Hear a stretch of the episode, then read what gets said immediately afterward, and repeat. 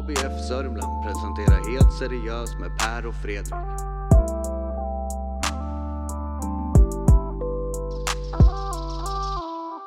Hej Per! Hallå där Fredrik! Du, då är det dags för oss att, vi var lite överens om att vi sparkar igång säsong två av podden här nu. Det är härligt. Det är liksom lite speciellt att man kör ändå. Vi ger oss inte. Säsong Nej, två. Säsong två, eller år två i alla fall. Det ska, bli, det ska bli väldigt roligt. Och eh, det blir ju det första avsnittet vi gör in på 2020-talet. Så är det. Jag har haft några röster, jag ska inte säga att de har varit jättemånga, men tillräckligt för att jag fångar upp det, som säger att vi borde köra lite oftare. Mm. Men vad säger du Fredrik, det är väl kanske det här vi hinner med, eller hur ska man uttrycka sig? Ja, just det. För det är, varken du eller jag poddar ju enbart. Utan har ju lite andra bisysslor. Men jag tycker det var kul, jag blir lite glad när någon tycker så också, för då vill de höra våra röster oftare.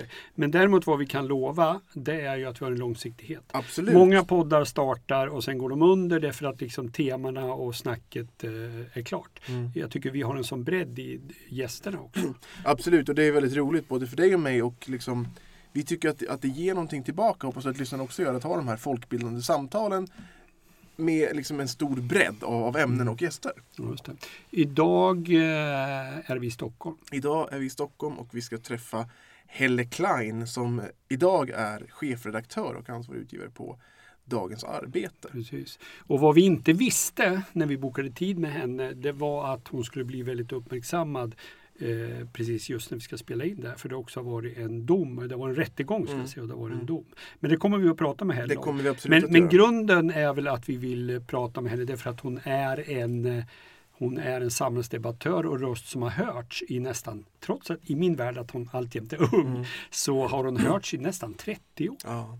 Och för mig som har varit politisk redaktör på en, på en A-presstidning och som är ungefär 20 år yngre än Helle så är ju hon en person Det är hon och Göran Greider Mm, som okej. i någon mening då alltid har funnits. Mm. Eh, hon, hon är liksom i den meningen väldigt etablerad och ständigt aktuell. Precis. Och det, den kombinationen är ju liksom unik. Ja. Sen har hon ju en bredd som du vet som jag blir fascinerad över att hon också har en, eh, vad ska jag säga, en religiös sida och sen är hon intresserad av både idrott och musik. Så jag Mm. tror att det blir ett eh, bra möte. Det borde passa oss. Vi ser väldigt mycket fram emot det. Ska vi köra igång? Ja, det gör vi. Bra. Helle Klein är journalist, redaktör, debattör, radio och tv-panelist och präst, bland annat. I över 30 år har hon deltagit i och påverkat den politiska debatten i Sverige. Som ledarskribent på Örebro-Kuriren, politisk chefredaktör på Aftonbladet och nu som chefredaktör på Dagens Arbete. Idag är Helle gäst i podden för att prata om den allt råare tonen i det politiska samtalet, hotet från nazister och vikten av att stå emot, och om folkbildning och hopp. Det här är Helt seriöst med Per och Fredrik, avsnitt 12. Podden produceras av ABF Sörmland. Helle Klein, välkommen till podden. Mm, Tack så mycket. Eh, nu, nu är vi i det läget igen Per att vi hälsar en gäst välkommen till, till podden. Men det är ju faktiskt vi som besöker dig. Kan du berätta för, för de som lyssnar vart, vart vi är någonstans? Ja, välkomna till dagens arbete. Vi är på Olof Palmes gata i Stockholm. Det är klassiska arbetarrörelsekvarter här. Verkligen. Många fackförbund som huserar här. Eh, och det här är i IF Metalls hus. Eh, och tidningen är ju Industriarbetarnas tidning Just som jag det. är chefredaktör för. Och ABF-förbundet ligger också vägg i vägg här. Exakt! Ja. Det är bara några meter emellan. Jag, jag, det är inte mammas gata för mig, men jag har varit, lite grann har jag varit här i alla fall. Eller hur tar man sig som stockholmare, hur tar man sig till jobbet? Åker man kollektivt? Man åker tunnelbana eller tvärbana som vi också har. Och, ja, det är mycket kollektivtrafik faktiskt. Och Jaha. den funkar ju eh, oftast faktiskt väldigt bra i Stockholm. Mm, Eh, Det är hopplöst att köra bil. Eh, I stan kommer man inte fram, det grävs överallt. Ja, Vad har du dörr till dörr? Eh, för mig så tar det kanske, ja det är nog en halvtimme. Ja, det, är det. Ja. det är som eh, Fredrik, det är som Stockholm Eskilstuna med snabbtåget. Ja, nästan i alla fall. nästan i alla fall. Eh, Helle, när vi sitter här och spelar in det här så är ju du verkligen mitt i, i händelsernas centrum. Den 27 januari, alltså på Förintelsens minnesdag faktiskt, så föll domen mot den nazist som stått åtalad för att ha trakasserat bland annat dig via, med propaganda och hat. Han fälldes för hets mot folkgrupp och ofredande mot bland annat dig och dömdes till sex månaders fängelse. Kan inte du berätta lite grann, sätta oss in i vad, vad, vad som hände och som ledde fram till den här domen? Mm.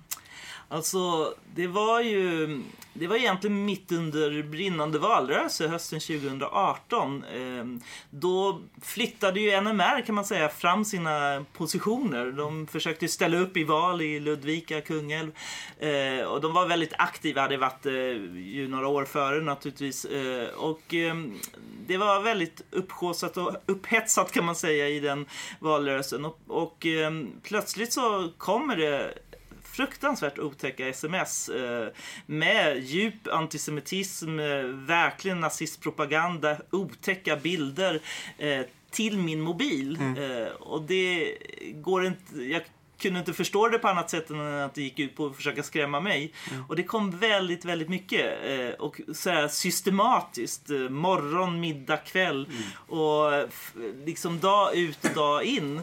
Eh, Så det var djupt obehagligt. Och vi polisanmälde det där. Det var ju också dessutom sms. Man kunde ju se från vilket telefonnummer det var. Och då kunde vi ju ganska lätt konstatera att det här var en mycket aktiv NMR-aktivist. Eh, och han bor i Sundbyberg. Det är liksom nästgårds här. Han kan sitta på tunnelbanan, han kan gå på samma trottoar som jag. Så det kändes väldigt eh, läskigt. Eh, Och jag har ju sedan länge levt med hot och hat och vi har också ett säkerhetsbolag inkopplat till vår tidning här och, och så här. Och de tog det också på väldigt stort allvar. Så att det, det blev mycket av personskydd och ja, ett pressat läge kan man säga. Vad är det som skiljer? Jag förstår Ella att du har varit med om, om eller varför snudda liknande.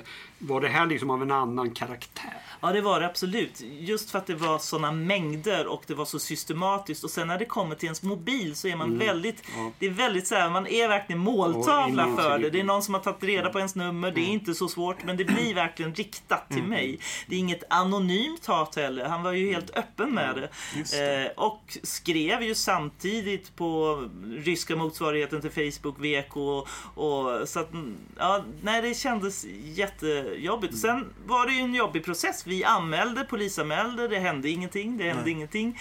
Eh, veckorna gick, jag fick de här meddelandena för att då var jag ändå liksom, ska vi fortsätta ta emot dem eller inte? Sen till slut så hamnade jag hos Solna polisen och de, de menade ju då på att eh, låt, eh, liksom, blocka inte än för det här kan vara bevismaterial och så här. Så att det var en massa sådana konstiga diskussioner.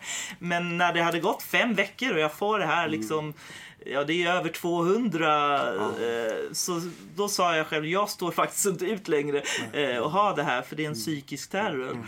Eh, men då hade också ärendet äntligen kommit rätt. Polisen har ju inrättat sådana här demokrati och hatbrottsgrupper. Och det är en väldigt bra sån grupp här i Stockholm som förstår det här med hat och hot och förstår också journalisters utsatthet och så här. De jobbar särskilt med det. Så då blev det äntligen lite fart med förhör av mig och eh, man tog det på jättestort allvar och så. Men det här var hösten 2018 och efter de förhören så gick ju tiden, ingenting hände. Eh, åklagarna har mycket annat att göra och de här brotten var inte särskilt prioriterade. Eh, och den väntan var väldigt jobbig för att brottet pågick ju på Ja, något sätt. Eh, såklart. men sen äntligen i somras då, alltså mitt under Almedalsveckan, då väcker eh, åklagaren åtal. Då befinner jag mig i Almedalen, den här nazisten befinner sig också i Almedalen. Så det var ju en lite konstig timing kan man säga. Men, men samtidigt var jag lättad att wow, nu blir det åtal. Men sen kom det då, ja rättegången är januari 2020. Då ska man gå en hel Ja, höst och ha det här framför sig. Så att det har varit ett och ett halvt år av faktiskt ett helvete skulle jag vilja uttrycka det klart. Jag tänkte det, eller hur tolkar man? Jag, jag tror jag har svaret, men liksom, om du gör ord på det. Vad, vad, vad är man ute Alltså är det liksom att få tyst på dig eller att du ska må då? Vad, vad, vad är poängen? Ja, det är, det är ju nog flera poäng med det här. Det är framför allt att skrämma och, och liksom, man ska känna sig rädd. Ja. Eh, och det går ut att få tyst på mig som opinionsbildare, journalist och debattör. Eh, men det finns ju också i den här nazistiska propagandan att, att de underförstått är det att vi är förrädare. Eh, vi som står upp för demokratin, för det mångkulturella samhället, för allas lika rätt. Vi sviker nationen i deras förvridna världsbild. Och där i ligger ju ett hot. För förrädare ska man faktiskt göra sig av med. Förbrytare ska bort.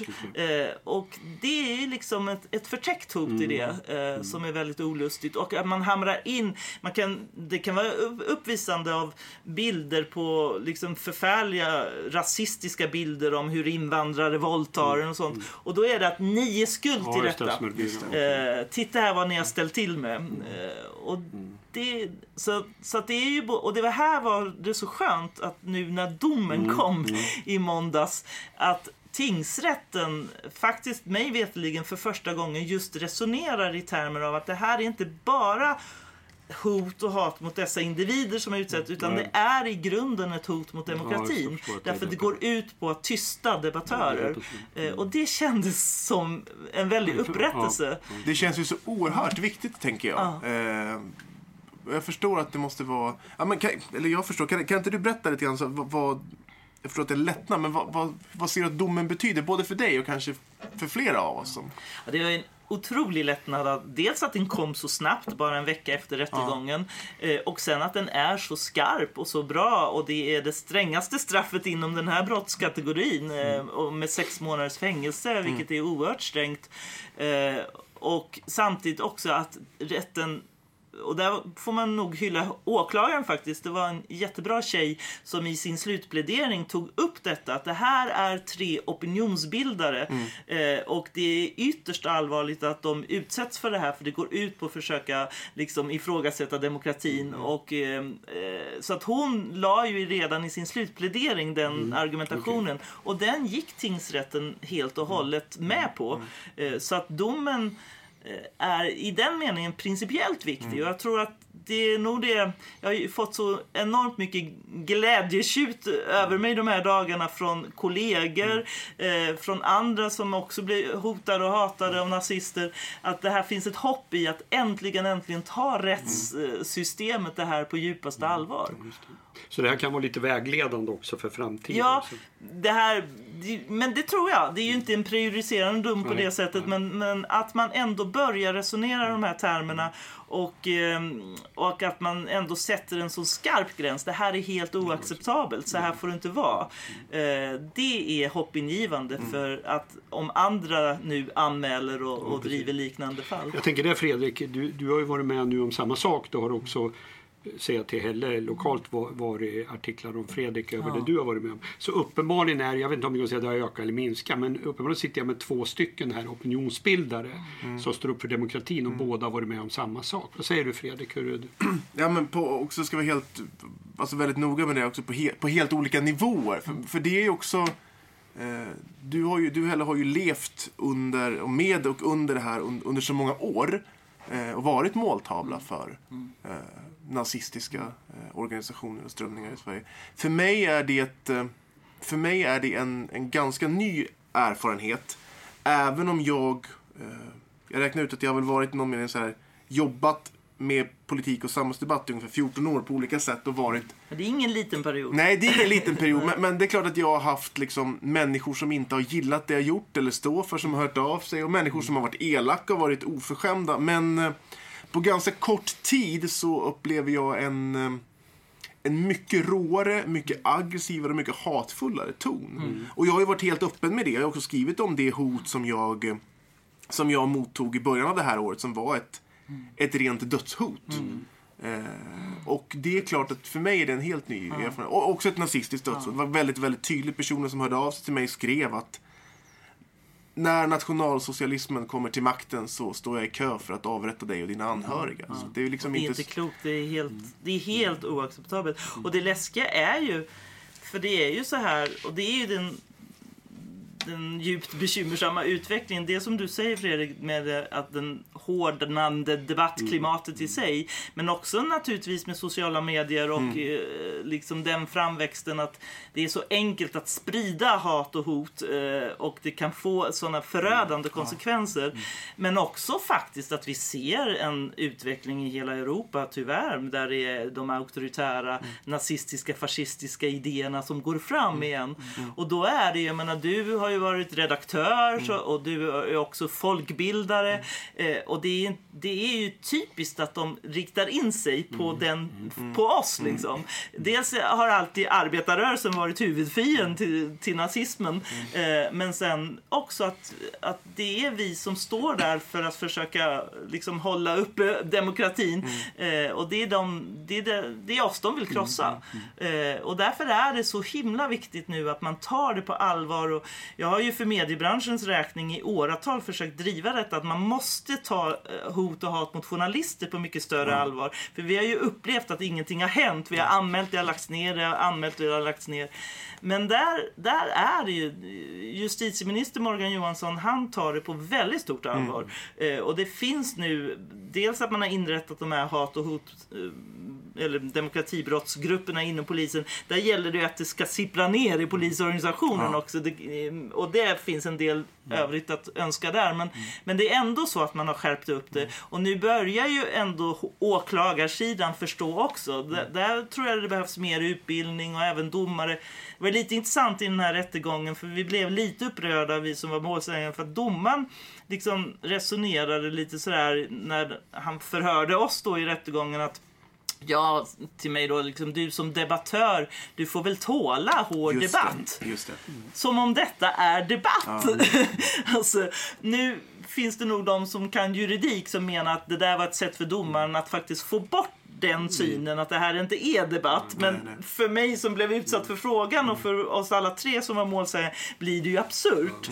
Eh, och, och där måste man ju hålla, och där är det också skönt med domen att man verkligen håller den rågången. Det här handlar inte om yttrandefrihet. Eh, detta är hot mot Ja. demokratin. Eh, så att, eh, och den är jätteviktig. Ja. Jag tänkte det heller om man eh, liksom tar ett, bara ett spadtag till på den här frågan. Eh, Kan, om du sätter in det här i något slags sammanhang, om vi liksom lägger bort det där med NMR och, och- just det, eh, den delen. Vad är det i samhällsklimatet, i samtalet som har blivit så annorlunda?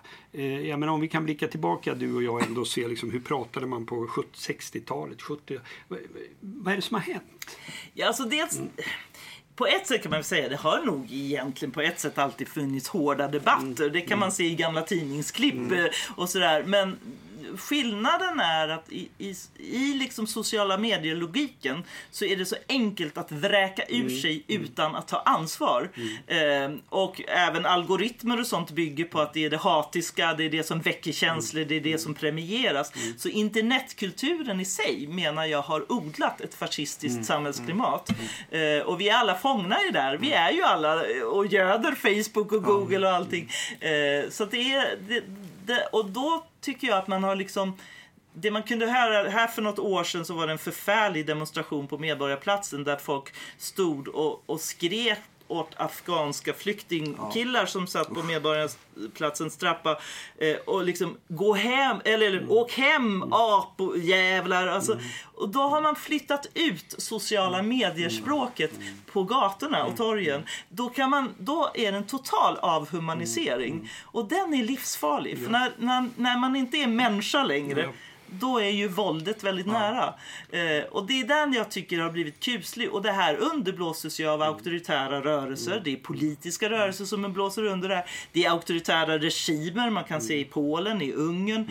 Trump som dagligen spyr ut den här typen av hatpropaganda legitimerar ju det sättet för folk att prata om andra.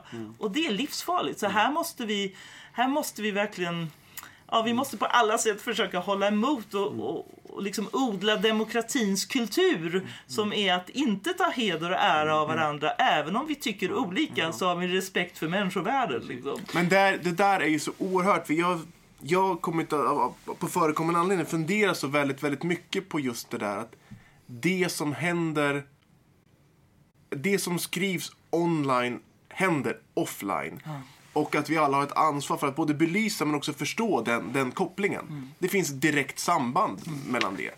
Och jag har också tänkt så oerhört mycket på det utifrån att jag såklart har följt liksom din och många andra eh, debattörer och, och liksom opinionsbildares utsatthet. Eh, när den själv, sen kommer till mig själv. För jag är också mycket medveten om, jag har också sagt det, att jag, jag, jag står ju på en liksom samhället oerhört privilegierad plats. Jag menar, jag, jag är vit, jag är man, jag är heterosexuell, jag är en, i någon mening en medelklassperson med en stark plattform. Och nu har det nått till mig. Och jag tycker att det är viktigt att jag har ett ansvar att, be, att liksom belysa det. Även om det är, liksom, igen då, det är så oerhört liten skala i jämförelse med det som många andra personer som har en annan etnisk bakgrund, du själv som är mer exponerade, som är kvinnor, hbtq-personer och så vidare, utsätts för. Men, men just, det är ju verkligen precis så, som den här eh, klassiska dikten som så ofta citeras nu. Så för, först så kom de för judarna, men jag var inte jude, så att jag liksom reagerade inte. Sen kom de för Socialdemokraterna, jag var inte socialdemokrat, och så vidare. Va? Och så kommer de för dig. Och då finns det ingen kvar som kan protestera. Och jag tror att vi, där har vi alldeles oavsett vad vi har för ingångar här, som demokrater, ett ansvar att, att se det här och se till att din strid också är min strid. Det jag håller helt med dig Fredrik. Och, och det är också intressant för det har ju faktiskt gjorts undersökningar. Dels finns det amerikanska undersökningar som visar att efter Trumps eh, tillkomst som president och Mm. hans hatretorik har ju hatbrotten i USA ökat enormt mot exakt de grupper som han twittrar om och, Mm. och, och liksom, ja, gör utfall mot. Man kan också se hans utfall mot journalister. Eh, det är jättemånga journalister som är hotade och till och med mördade. Eh, eh, och- så att det, det följer. Det man säger, det, ord är inte oskyldiga. Eh, och likadant har man gjort undersökningar i Sverige. Att eh, när samhällsklimatet har hårdnat här, synen på flyktingen. Eh, det, alltså flyktingdebatterna i riksdagen mm eh, bara på de senaste åren har blivit betydligt mer avhumaniserande. Man pratar om kvoter, man pratar om problem. Det är alltid kopplat till brottslighet, det är alltid kopplat till problem. Eh, eh, och att liksom, vi står på, inför en kollaps i samhället och allt det där. Det har också skapat att hatbrotten ökar. Eh, och där behöver vi, alltså både politiker, opinionsbildare, alla vi som håller på med orden eh, måste fundera där verkligen på hur, hur för vi samtalet. Eh, och, och där är det så viktigt, för det handlar om demokratins kultur. Eh, och och den, den måste vi värna och vårda. Och det är inte minst det som ni gör i folkbildningen som är så jätteviktigt där. Alltså. Jag tänker fundering till er båda två. Man får säga så att, då, jag vet inte heller om du räknar in det i efterkrigsgenerationen, det är någonstans på gränsen där man är född på 60-talet. Men jag som är född liksom efter, en del av liksom de här barnkullarna efter andra världskriget växer upp, trots att det mest makabra har skett då, apropå förintelsen av hela andra världskrigets så finns det en sån hoppfullhet som jag växer upp med. Med budskap från mina föräldrar, från skolan, från samhället. Och det händer ju väldigt mycket. Krig, Koreakriget tar slut, Vietnamkriget tar slut, kolonialismen faller, vi får demokratier, militärdiktaturer faller. Det är en sån optimism. Eh, Berlinmuren faller. Jag menar, eh, Harald, sen finns det nya problem som dyker upp. Kan du ge ord, eller Fredrik, kan du ge ord? Vad är det för mönster vi ser? Varför är, för nu pratar vi om, ja det är sociala medier och allting och så här, Men vad är det för? Det måste ju vara någonting som har hänt som gör att det... Annars kan man tänka sig att det bara var en framgångssaga. Och man trodde väldigt mycket på globaliseringen, att den liksom skulle skapa människor, vi skulle närma oss varandra, förstå varandra. Vad ser du, Helle? Ja, alltså, jag tror att det här som du pekar på med optimismen och framförallt framtidstron är en, en nyckel där också. Att, att politiken har inte tillräckligt på senare tid formulerat framtiden. Utan den politiska debatten har stannat vid eh, nästan en dystopi. Och all högerextremism gror i dystopin. För det handlar ju om att vi står inför en kollaps. Samhället håller på att kollapsa. Det göder bo- all sorts extremism, även en vänsterextremism. Ja. Det är lika bra att samhället faller sönder. Eh, och då blir man revolutionär liksom. Men, men den demokratiska reformismen bygger ju ju på att det trots allt går att förändra.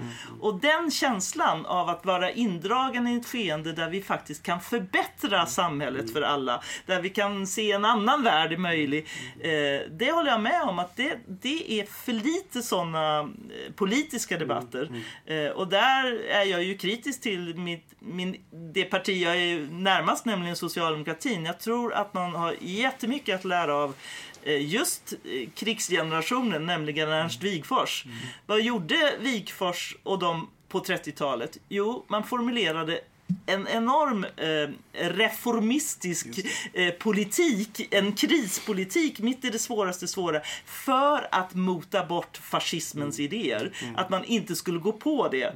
Eh, och så myntade han det fantastiska uttrycket med provisoriska utopier som aldrig kan bli auktoritära. Nej. För det måste hela tiden möta verkligheten och då får man justera, då får man tänka om, men det finns alltid en, liksom, en riktning, Mm. en vision om att något ska kunna bli bättre. Kan det också vara så att det, det du beskriver heller också att upplevelsen skulle ibland kunna vara då att det demokratiska och liksom humanistiska samhället inte har klarat av de problemen som är. Så det är klart, då är det ju lätt för andra auktoritära liksom, tankar att kliva fram och säga vi har lösningen. Ser du liksom någon problematik i att man Ja, fast jag tror också att det delvis handlar om hur man benämner saker. Eh, alltså man kan ta då hösten 2015 när det var en enorm stor flykting eh, liksom invandring till oss och många andra länder. Eh, då i den, där, jag tycker att det var oförlåtligt när politiken pratar om systemkollaps. När man varnar för att det är, även om det var en enorm utmaning för samhället. Men vi är ett folkrörelseland. Vi har bygdegårdar, vi har stiftsgårdar, vi har arbetarrörelsegårdar. Vi har hur mycket plats som helst att kunna ordna ett bra eh, humant flyktingmottagande för de som var mest utsatta. Liksom. Och det visar ju sig. Jag vet ju själv, vi har gjort reportage i Dagens Arbete om hur fackföreningsaktiva hjälpte till i flyktingmottagandet. Och, ah, det, det var ju enormt många människor som Studieförbunden. Stod, ja, studieförbunden inte minst, stod på tårna. Och detta gjorde man aldrig politik av på riksplanet. Utan det blev systemkollaps, eh, liksom idéerna som satte sig. Eh, Och, och, och där tror jag det och sen ska, det handlar absolut inte om att förneka för all, alla samhällsutmaningar är jobbiga och ibland handlar det också, det handlar också om ett tilltal. Jag tror att vi lite för mycket i politiken har haft konsumismens tilltal. Vi ska vinna väljare. Eh, och som konsument så kan jag aldrig köpa ruttna tomater. Men som medborgare kan jag förstå att ibland måste man ta svåra beslut. Som också kan faktiskt göra att jag en stund kan få det lite sämre för att någon annan ska få det bättre. Det är medborgarskapets och demokratins tilltal. Men konsumismen gör ju att jag bara ska tjäna själv. Eh, och så har tyvärr det politiska samtalet förts ganska länge. Eh, och då tror jag nu, nu behöver man få upp liksom medborgarskapets idé eller demokratins, samhällsgemenskapens idé. Och då är det ju både svåra saker som måste lösas och det ska man benämna. Eh, men alltid med en Wow, det här klarar vi. Eh, nu gör vi så här. Och faktum är ju att det finns ju mycket, jag menar, det finns svåra, stora integrationsproblem, men det finns ju väldigt mycket lyckade exempel på hur, hur nyanlända har kommit in i arbetslivet, hur det har gått bra för många, hur vi också behöver eh, alla dessa för vården och för... Och det skulle jag önska att det blev lite mer sansad eh, debatt. Jag tänker också att vi lever, vi lever i en sån, i en sån himla märklig tid eh, på många sätt. Och jag tänker också, du, du liksom tar avstamp 2015 och då tänker jag så här hur, hur, hur liksom, inte bara det politiska, det offentliga samtalet och klimatet har förändrats på så kort tid. Ehm, jag, jag menar, vi, vi, vi minns ju alla såklart Fredrik Reinfeldt öppna era hjärtan-tal. Eh, och det känns ju liksom, utifrån den position vi står på idag, så känns det som att det, det är väl 25-30 år Det är sedan. oceaner av år sedan. Men verkligen, och det är ju inte det. Ja, nej. Eh, jag hade kontakt med en ganska högt uppsatt liberal politiker i veckan. Och eh, hen uttryckte det så här att på väldigt kort tid så har liksom gamla fiender blivit vänner och gamla vänner blivit fiender. Mm. Och så som den här personen upplevde det så, så var det så här att de här klassiska konflikterna, eller de här sakerna som vi liksom stod och bråkade om för några år sedan, känns väldigt små i jämförelse med den liksom stora utmaning som vi eh, har framför oss nu, gemensamt, där vi faktiskt står på samma sida. Och det är liksom och då tolkar jag den här personen som, och så känner jag själv också, att då pratar vi rent politiskt liksom från ganska långt ut på vänsterkanten till ganska långt in på liksom, högerskalan. Vi som är överens om liksom, det demokratiska samtalets princip. Och den är så viktig. Och där, det finns en jättebra bok som heter How Democracies Die. Och det är två Harvard-professorer eh, som skrev, den kom här för något år sedan. Men den visar ju på att, att demokratin bär ju på fröet till sin egen undergång. Därför det var demokratin som valde in Hitler och nazisterna. Eh, och det är demokratin som väljer in Sverigedemokraterna.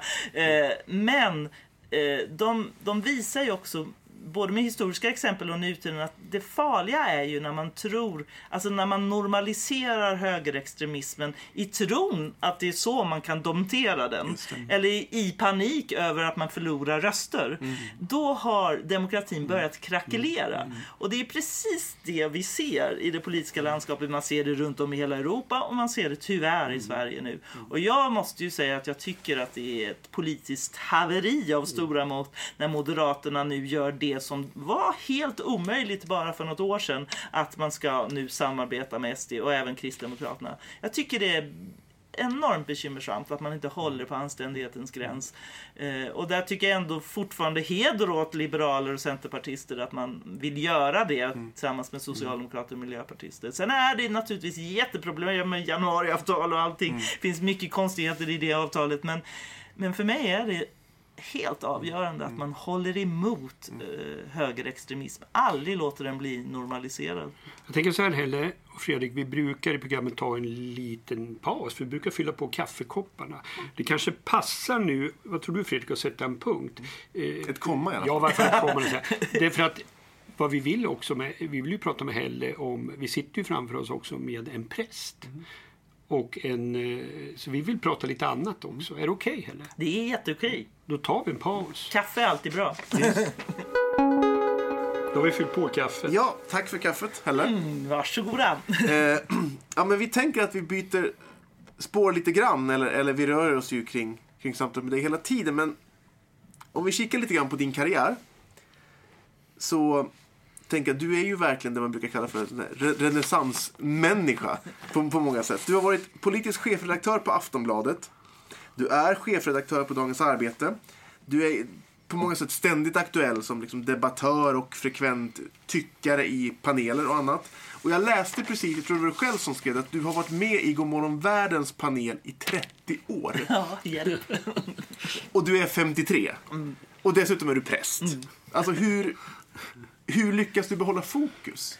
Ja, hjälp. Eh, ja, det kan man fråga. Alltså, alltså, det här med tidsperspektivet, det där är ju så speciellt för att nu är jag som sagt 53, men jag har ju varit van att alltid vara den unga som har kommit fram. Nu börjar man inse att man är inte den unga längre, för nu har jag mycket yngre medarbetare på tidningen och så här. Och det, det känns på ett sätt bra. Man, man har varit med en tid, men man har också fått perspektiven. Sen älskar alltså där, det var så intressant det där när jag gick från att ha varit 15 år och varit politisk chefredaktör på Aftonbladet och sen bestämde mig för att göra klart prästexamen. Då fick man ju väldigt mycket sådana här frågor. Men vad är du? Är du präst eller är du journalist?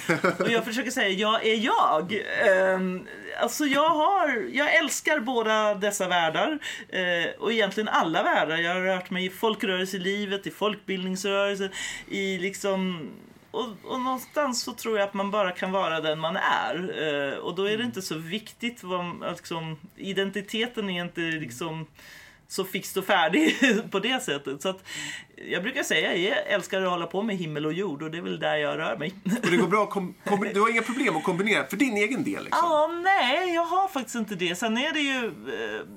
Jag menar, det var ju jätteroligt den, då när jag var alldeles nyprästvigd och jobbade i Nacka församling. Bland de första uppdragen jag fick där för församlingen var att gå och hälsa på en gammal dam som fyllde 100 år. Och då skulle församlingen va- uppvakta henne, så jag kom ju dit med blommor och då tror hon Aftonbladet är här! så det blev ju stort pådrag där och tanten var jätteglad. Men, men, men det jag upplevt, alltså för mig är det ju också jag menar, vi skriver ju om väldigt allvarliga frågor i Dagens Arbete. Det handlar om folk som kanske dör på jobbet. Det finns djupt existentiella frågor om det som händer på arbetsmarknaden idag. Människovärdet som står på spel på många sätt. Och där, att kunna föra också existentiella samtal med eh, arbetare som inte självklart känner sig hemma i kyrkan. Därför kyrkan har dels historiskt ofta stått mot arbetarklassen men också idag kanske är väldigt mycket av en medelklasskyrka. Eh, och då känner jag mig lite som att för mig är jag gärna en brobyggare eh, där jag står liksom mellan världarna. Eh, och jag brukar lite skämtsamt säga att jag älskar att vara präst men jag är nöjd med att inte vara anställd i kyrkan. Jag tänkte det, för jag tycker att jag har följt dig. Eller, eh, och, och samtidigt, och du, för dig kanske inte steget var så långt, det var väl inte det. Men när man inte känner dig så tänkte jag, jaha, vad, där liksom Aftonbladets chefredaktör, blir hon präst? Då tänkte man att det var något steg. Du, du prästvigdes 2008 och sen jobbade du som präst 2010, 2013. Hur, hur, var har du din gudstro? Är det liksom, har, du, har det funnits med dig hela tiden? Eller liksom? Ja, så det har nog faktiskt det. Jag kommer ju inte alls från något religiöst hem. Mina föräldrar eh, har aldrig varit aktiva i kyrkan. Tvärtom, det var ett politiskt hem. Vi pratade politik vid köksbordet. Så att när jag bestämde mig som ung att gå med i kyrkans ungdomsförbund då, eh, kyrkans ungdom som det hette på den tiden, eh, så blev ju mamma rätt så förskräckt och undrade vad har du nu träffat för ungdomsförförare eller något liksom och ville kolla upp den där prästen. Men sen mötte ju både jag och mina föräldrar en väldigt öppen kyrka, det här var i Lund, där man liksom blev tagen på allvar som ung sökare, där man fick ifrågasätta, där jag eh, fick säga men jag tror inte på den här skiten liksom. Ja, då, och då blev man liksom, ta, ja, och jag tror, egentligen tror jag att alla människor på olika sätt har existentiella brottningsmatcher och faktiskt ett sorts andligt behov. Sen kan det uttryckas på icke-religiöst eller religiöst sätt. Men jag tror att vi behöver hitta, alltså att vara människa är ju både existentiella behov och rent fysiska kroppsliga behov. Och, och där någonstans vill jag gärna få ihop de här världarna. Jag brukar ibland säga att jag skulle önska att arbetarrörelsen blev mer andlig och kyrkan lite mer världslig. Men nu, nu, nu har det ju hänt väldigt mycket på de senaste åren. Kyrkan är ju idag, tycker jag, en av de mest framträdande solidaritetsrörelserna. Det är kyrkan som står upp väldigt mycket för när människovärdet står på spel. Eh, och det tycker jag är underbart att se. Eh, och Svenska kyrkan är ett av jordens mest eh, progressiva samfund som ju också tillåter homosexuella att gifta sig och som har kvinnliga präster och allt det här. Eh, Men det vi ser idag tyvärr igen i Europa, det är ju hur vissa kyrkor, inte minst tyvärr på vissa delar av katolska och ortodoxa kyrkorna, att man går hand i hand med högerextremism igen. Precis som man gjorde på 30-talet. Eh, och här eh, tror jag det, för mig som kristen, är det så viktigt att det aldrig görs om det misstaget som kristenheten delvis gjorde då förra gången. Eh, utan att man verkligen står emot. Och här behöver ju Svenska kyrkan i ekumeniska samfund hela tiden markera att det här är inte okej. liksom. Men nu utnyttjar man ju religionen eh, i fascistiska idévärldar igen och det är djupt obehagligt. Jag tänkte när du skriver Helle så kommer du tillbaka lite till det där fina uttrycket. så här, Så som i himlen, så och på jorden. Eller hur? Du, Ja. ja. eh, Och på något vis kanske det är en bra sammanfattning egentligen vad du säger nu. För den säger ju egentligen att det är viktigt både i himlen men det är också viktigt det som sker Verkligen. här och nu. Och det är ju, för mig är det den, liksom själva djupet av kristendomen, det är ju att vi har den etiska att man ska älska sin nästa. Det var Jesus väldigt klar över. Då måste man också kunna kritisera det kärlekslösa. Alltså det handlar både om att, att att stå upp för människan, men då, man, då måste man också se vad är det som hotar människovärdet idag. Och den, där måste man vara tydlig. Och där, det har profeterna i Gamla Testamentet varit. Och det var Jesus. Och, och det, det är väl den kyrkan jag vill tillhöra. Och, Det, det du har skrivit också eh, handlar lite om, du, vill tillbaka, du pratar om folkkyrka och egentligen tillbaka till den tidiga kyrkan. Så att säga. Och jag blir också lite eh, eller glad när jag läser det du skriver om det. Bara en sån här fundering här, därför att du går två vägar. Det ena är att du säger så att religionen får aldrig vara exkluderande. Den måste liksom bygga på att alla är med. Och samtidigt är det klart, kliver du in i en religion då, i kristendomen, så har ju den sin liturgi eller vad man säger. Och där du har dopet och du har nattvarden och du har salmerna och du har riterna. Hur, hur, hur får du ihop det där då utan att det känns som att du samtidigt klarar av det andra? Ja, fast för mig är det inte riktigt en motsats om det här inte görs exkluderande. Mm. Alltså riten, det är ju lite, vi har ju riter i arbetarrörelsen också. Mm. Se hur en kongress går till eller hur en mötesverksamhet. Jag tror alla organisationer har en sorts riter och det blir ju en kultur och där måste alla se upp för att de inte blir exkluderande. Man måste kunna komma in som ny eh, och bli, liksom, känna sig tillhörig och känna, förstå vad händer och så här. Och då kan man ju välja öppenhetens kyrka. Jag, jag, jag brukar hänvisa ofta till urkyrkan, alltså urkristendomen. Då var ju de kristna förföljda i romarriket. Eh, de var en utsatt minoritet. Eh, och i det skedet formulerar man trosbekännelsen som börjar med att Gud är allas Gud, alltså Gud är himmelens och jordens skapare.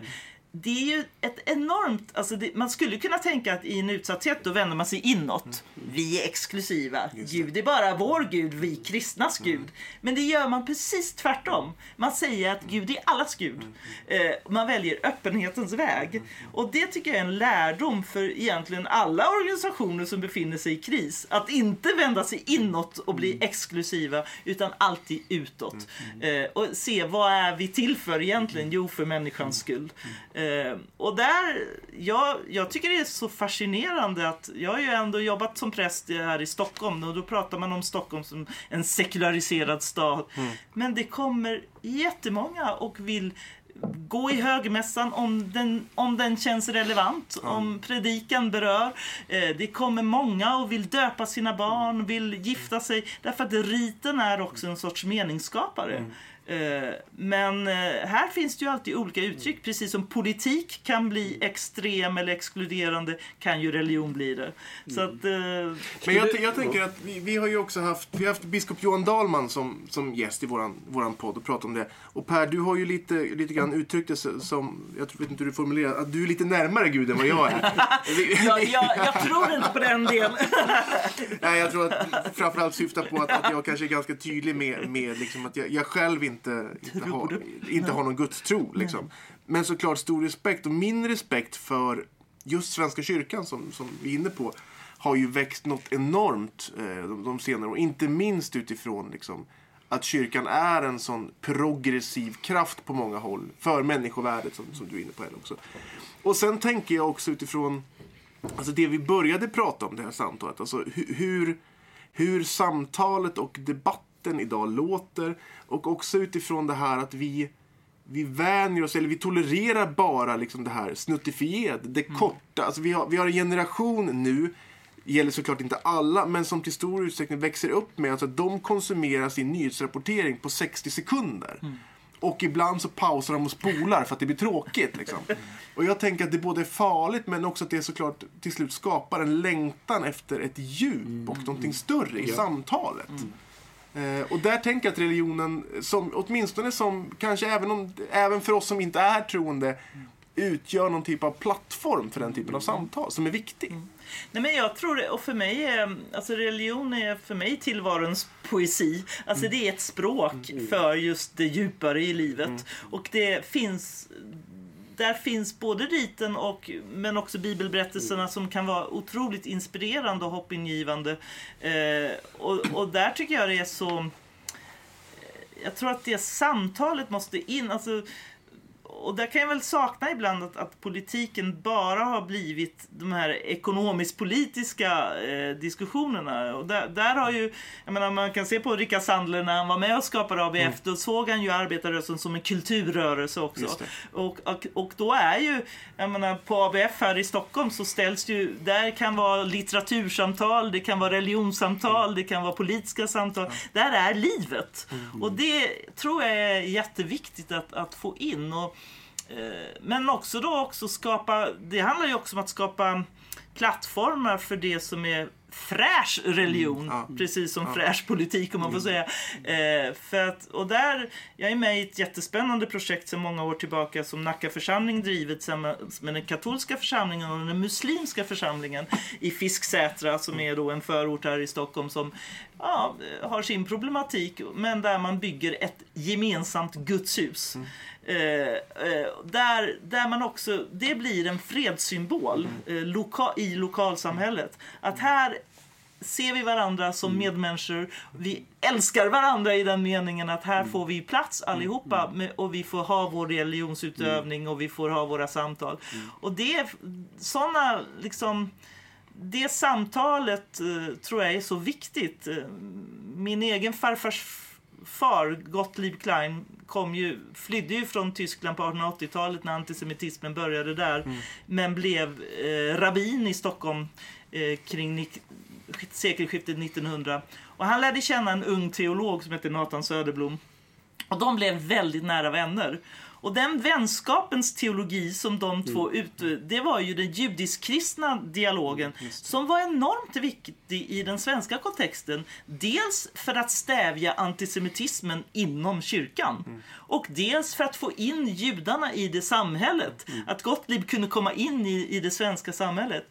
Och det tror jag är en jätte... För mig är där då religionsdialogen med muslimerna idag så otroligt viktigt. Att man får sammanhang där det inte är islamsk extremism utan där det är helt vanlig, vanlig islam som, och vanliga muslimer. Eh, och där tror jag vi har en uppgift. Vi har liksom, och där behöver kyrkan gå före.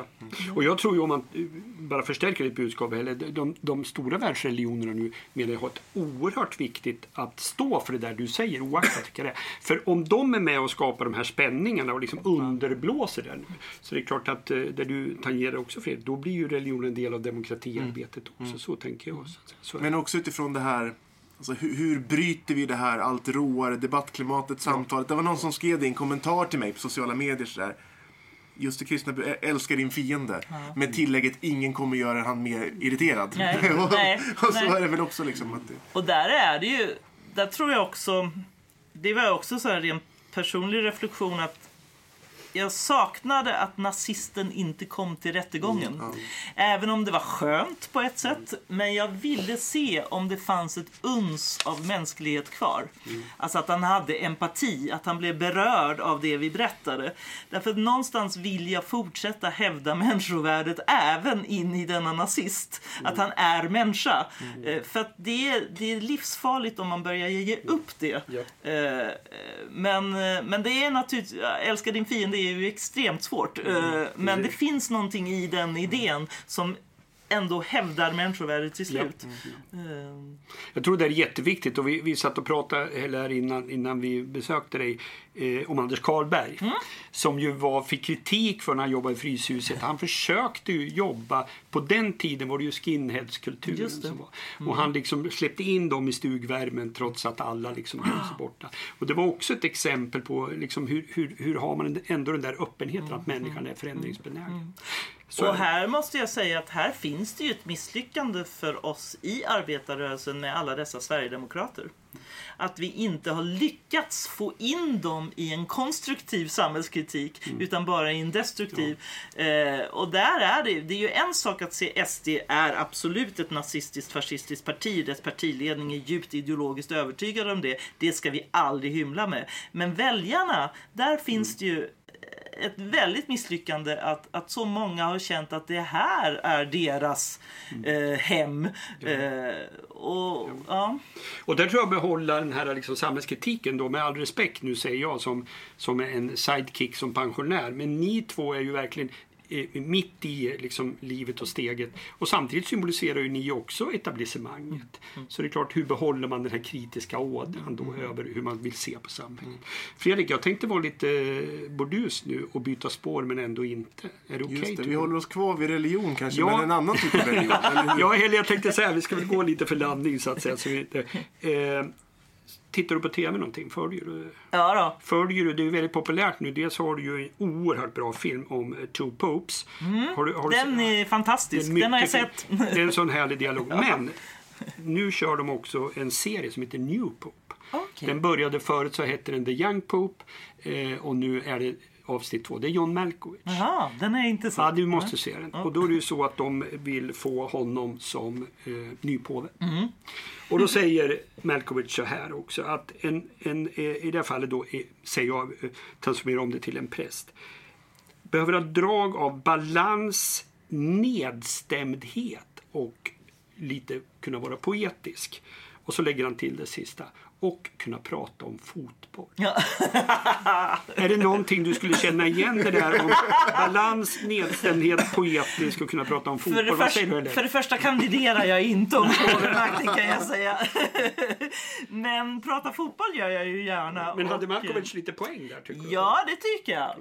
Eh, och, och just, alltså det finns ju en, en fantastisk eh, bok om Martin Luther som faktiskt Nathan Söderblom skrev eh, tidigt 1900-tal som heter Humor och melankoli. Mm, okay. Och det tror jag, eh, det som var Luthers storhet, men det fan- fanns mycket problem med Luther också, han var tyvärr djupt antisemitisk i vissa delar också, men det som var hans storhet som reformator och som stark kritiker av eh, den maktkyrka som påvekyrkan var då, eh, det var att han alltid behöll humorn. Och jag tror att rörelser som inte behåller sin humor, de blir extrema. Eh, och där finns det ju på vänsterkanten ibland väldigt humorbefriade eh, och det blir, kan bli väldigt eh, människofientligt. Så att jag tycker det här med nedstämdheten, alltså man har både en sorts melankoli, eh, man tar livet på allvar, men sen måste man kunna ha klacksparken som jag tycker kommer fram i den här andra påvefilmen, liksom att man kan skämta och vara rätt så rolig som nuvarande påven faktiskt verkar kunna vara. Och eh, sen är ju fotboll, det är ju religion. Och där, ja, för den som, den som följer dig i, i, liksom, i sociala medier, jag tänker inte minst på Twitter, jag kommer för många, många år sedan så här. Du, du framstår som, som nästan, jag ska inte säga besatt, men du är, van, du är vansinnigt fotbollsintresserad. Och i synnerhet av liksom det som av Zlatans fotbollsspelare. Ja. Och får vi säga det också, vi sitter på ditt kontor nu och du har ju en, ett porträtt på, på Zlatan på väggen här också. Absolut. Liksom. Ja. Det är mitt lilla altare. Nej. Nej, alltså och det började ju egentligen. Jag har alltid varit fotbollsintresserad och det var ända sedan mamma drog med mig och se MFFs matcher när jag var liten och bodde nere i Lund och Malmö. Eh, Så att jag, jag gillar alltid, har alltid gillat fotboll. Men sen är det ju klart att Zlatan Dels är han världens bästa fotbollsspelare men sen är det ju berättelsen alltså av denna eh, liksom kille från Rosengård och den enorma revansch och allting. Sen finns det ju naturligtvis en massa problem i hans personlighet ibland och så här men, men det är en sån story som, och en sån berättelse så den är oemotståndlig liksom. Och, därför, och då började jag faktiskt på Twitter att twittra eh, hans matcher med egentligen bara lite på pin kiv och jag upprörde ju hela sportvärlden för eh, där är ju då nördarna, då ska man ju liksom inte kommentera fotboll utifrån känslan. Jag, jag gör det ju som att det är en operaföreställning eller en teater, det är ju hjärta, smärta. Utan där ska man ju vara nörd och kunna eh, alla liksom eh, årtalen dit och dit och sådär. Och jag bröt ju mot hela det. Men, men det blir min egen lilla nisch. Eh, Följer du Milan nu då skulle jag ja, gissa? absolut. Hur går det för dem? Ja, igår gick det jättebra. Då var det någon kuppmatch där som de vann och Zlatan gjorde mål. Så att, Håller han fortfarande? Ja, det gör på ett förunderligt sätt. Sen det är klart att han är är en gammal spelare, så att, eh, men eh, om han får rätt bollar och sånt så gör han ju fantastiska eh, insatser fortfarande. Och jag tror för Milans del är det ett enormt lyft, för de är ju verkligen har varit på dekis nu en längre tid. Så att det är jättekul. Han, ja. När man gillar Zlatan så mycket, får man byta lag hela tiden? Ja, Är du- det är där jag är helt otrogen. Upprör också för Är fotbolls... du, är du MFF-tjej liksom? Eller, Nej. Och, och när jag var i Örebro och var chefredaktör för Örebro-Kuriren då var jag ju tvungen att genomlida ÖSKs matcher.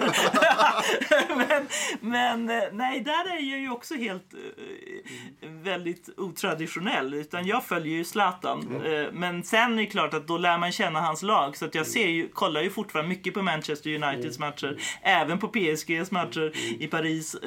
Men nu blir, det ju Milan. Det är ju väldigt kul att han är tillbaka i europeisk fotboll. För att Galaxy gick ju inte att se liksom. Är Zlatan eh, för dig en MFF-are eller är han Hammarbyare? ja, det där, det, det är en helig fråga, jag säga.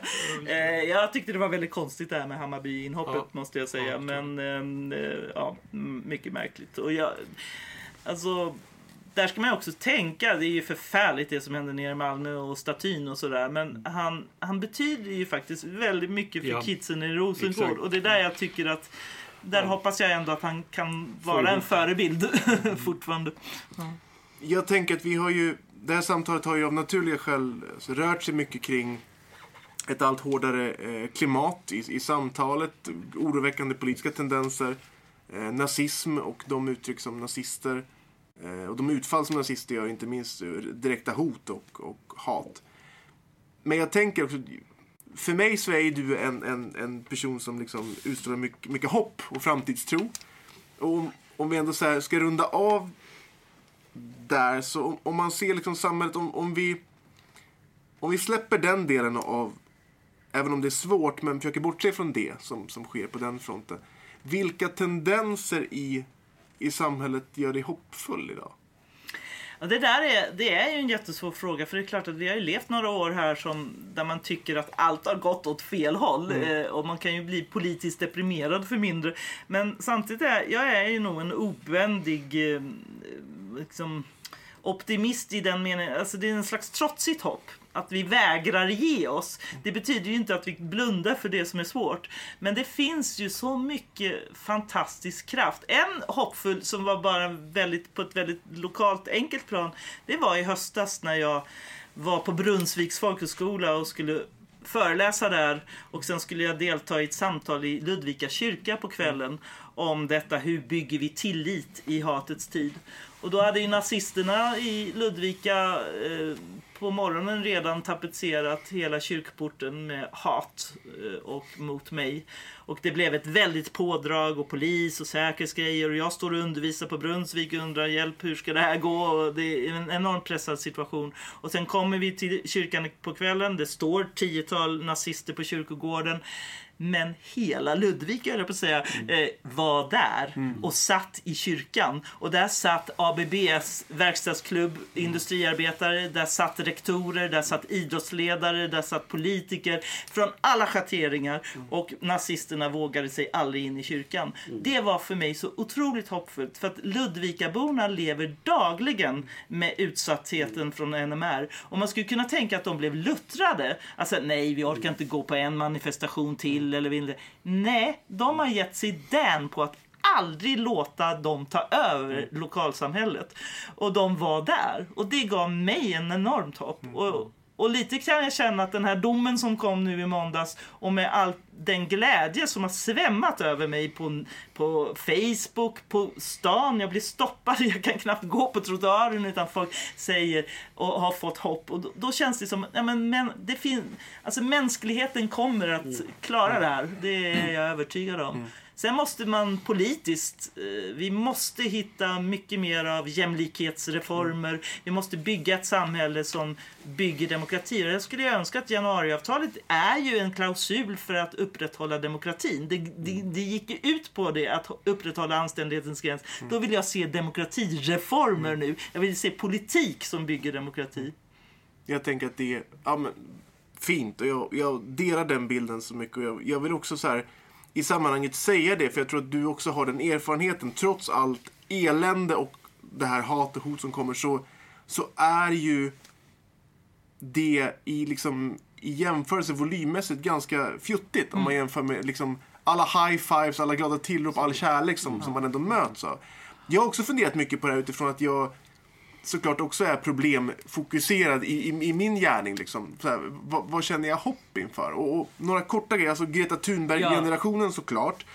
Och jag tänkte bara, fylla, bara Absolut. fem sekunder fylla Ja. i. För där är det ju jätte, alltså Davos-mötet som precis har varit. Det var ju, är ju delvis fortfarande rikemannaklubben men det har ju aldrig pratat så mycket vikten av miljö Exakt. Mm. och omställning. Och det är ju tack vare unga Ja. människor som Greta Thunberg och den. Så det är ju enormt hoppfullt. Men, men också utifrån, vi pratar om 2015 när det kom väldigt mycket människor som flydde till Sverige på väldigt kort tid.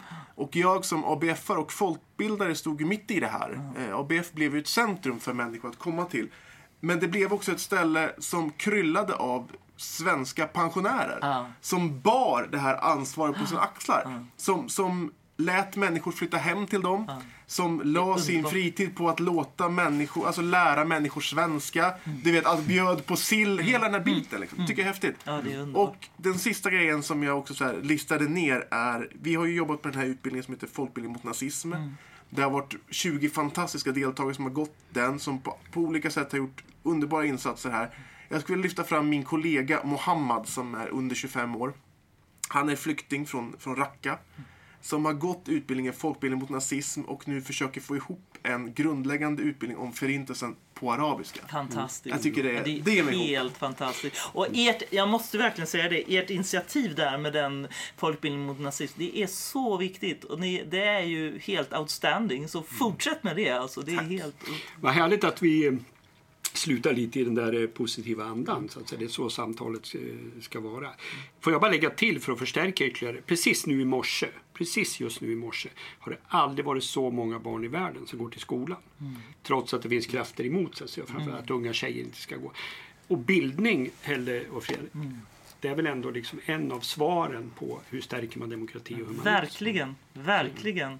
Fredrik, ska vi tacka Helle för idag? Det ska vi göra, men ni ska få en sista fråga. Ni har 10 sekunder på er. Jag vet, men jag sitter ju runt ett runt fint bord här med två riktiga musiknördar. eh, verkligen. Så, och eh, kanske lite olika genrer. Så jag tänkte ni ska få ge varsitt tips till, dem som, till mig och till de som lyssnar på podden. Vad tycker ni att man ska söka upp på Spotify eller på någon streamingtjänst och lyssna på när, när man har stängt av podden? Vill du börja Helle? Oj, hjälp! 10 sekunder sen. Det finns ju så underbart mycket eh, eh, musik och jag är ju jazzfreak, men det är ju brett. Eh, men en, en svensk jazzartist som betytt jättemycket för att dra fram andra unga jazzmusiker, det är Nisse Landgren. Han är helt fantastisk trombonist och hans funk unit är underbart! Och det är sånt sväng, så kolla upp det. Du, ja, alltså jag är ju så, då, då måste man ju prata med den riktiga nörden. Jag lyssnar också på väldigt mycket jazz, Helle. Och nu har jag och kompisarna kommit in på, det är mycket eh, engelsk, eh, lite funk experimentjazz just nu. Som är väldigt liksom också lite radikal som utmanar. Men jag har ingen poäng Fredrik av att säga det. Så att, så att jag tipsar istället om Sara Klang. Ja. För jag tycker hon har en underbar Jättefin. röst och hon står liksom för eh, lite det nya i svensk eh, soul och pop. Eller vad jag ska säga. Sara Klang. Nisse Landgren, Sara Klang. Mm. Tack snälla. Helle, tusen tack för att du ville podda med oss och Mm. för att vi fick komma till dig. Du är en så himla viktig person i det samhället vi har idag och du är en förebild för mig och många andra. Stort tack. Tack. Detsamma, tack. Jättekul. Då har vi satt punkt för den här säsongens första poddsamtal tillsammans med Helle Klein. Per, Mm. vad tar du med dig från det här samtalet? Ja, flera saker. Det ena som slår mig är ju att Helle har en väldigt tydlig kompass i sig. Och det här är väl liksom det budskapet hon har haft i när hon både har skrivit böcker och när man lyssnar på henne när hon skriver artiklar. Och, ehm, hon har en inre värdekompass som bygger väldigt mycket på människovärde. Eh, mycket runt demokratin och det är väl det som gör att hon blir, om vi nu ska uttrycka orolig för den fas som samhället och världen är inne i just nu. Jag tycker också det. Jag tycker också att hon har, hon har liksom en... Att hennes röst är eh, så stark. Eh, och det tänker jag, det här som vi har eh, pratat mycket kring och som är aktuellt nu också. Den här rättegången mot den här nazisten som döms. Eh, och hennes liksom eh, insats där, hennes strävan och som, som man förstår också såklart har varit givetvis otroligt jobbig och smärtsam givetvis. Eh, och att hon liksom bär den kampen med sån övertygelse och sån värdighet tror jag inte bara för sin egen skull utan också att hon känner liksom att hon har ett stort ansvar för liksom alla journalister, alla opinionsbildare som blir utsatta av antidemokratiska krafter. Och Ja. jag tycker att hon gör det så imponerande bra. Ja. Det som slår mig också Fredrik, och det kanske var du som gav uttryck för det också, är att det skapas nya, vad sa du, de som tidigare har varit ens fiender är ens vänner och Just vice versa. ja.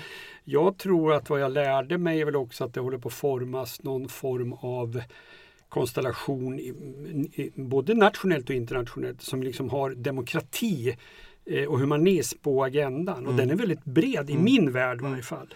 Eh, för den innehåller ju liksom partipolitiskt både från vänster och mitten och höger. Är du med? Och kristna och, och, och muslimer och Oh ja. eh, alla liksom Ja. religionsinriktningar. Det liksom håller på att skapas något nytt som har det gemensamt. Och det vi får se vart det tar vägen. Mm. Någonstans. Och jag tänker utifrån det samtal vi har haft också, alltså hur tar vi oss ur den här destruktiva fåran med, med, med så otroligt hårda Mm. attityder och eh, en sån råhet i samtalet så tror jag också att vi behöver vi behöver fokusera på det som förenar oss människor och rörelser Ja. snarare än, än det som liksom skiljer oss åt. Exakt. Och det blir så oerhört påtagligt i tider när, när vi liksom är när, när samtalet och enskilda är hotade av Mm. liksom, Mm. eh, totalitära krafter. Ja, så är det. Nej, men i den meningen blir det ju starkt för mig också att sitta där i rummet. För jag menar, på varsin sida har jag eh, dig Fredrik och sen Helle som båda precis just nu var liksom utsatta för de här liksom värsta hoten man kan vara. Att någon ska liksom skada en eller ens familj. Så det är allvarligt. Men vet du vad som slår mig mest som jag känner liksom när vi åkte ifrån samtalet? Det är ju att Helle är väldigt, vad ska jag uttrycka mig? Hon är ju seriös i sin grundton och sitt budskap. Men hon är väldigt glad. Mm, Alltså. Mycket och, och, och jag, det smittade. Mm. För det liksom blir som att, jag ska inte säga att hon, liksom, hon, hon ser glad ut hela tiden men hon, hon, och i det smittar ju också någon form av positivt om att världen är möjlig. Mm. Verkligen. Eller hur? Jag tycker det känns fint, jag tycker det känns bra och det känns som ett härligt sätt att runda av eh, det här första avsnittet. Vi kommer ju snart tillbaka. Nu är vi igång med den här säsongen. Och den som vill fortsätta diskutera de frågor vi tar upp här, prata om samhället, prata om demokrati och mycket annat får ju hemskt gärna göra det på ABF. Vi kommer att ha det här fokuset i våra föreläsningar på ABF. Vi kommer att ha det i en del studiecirklar. Och det kan man läsa mer om inte minst på vår hemsida och Facebook-sida. Per, hjärtligt tack för idag. Jamen, Vi ses snart igen då. absolut. Ha det fint. Hej.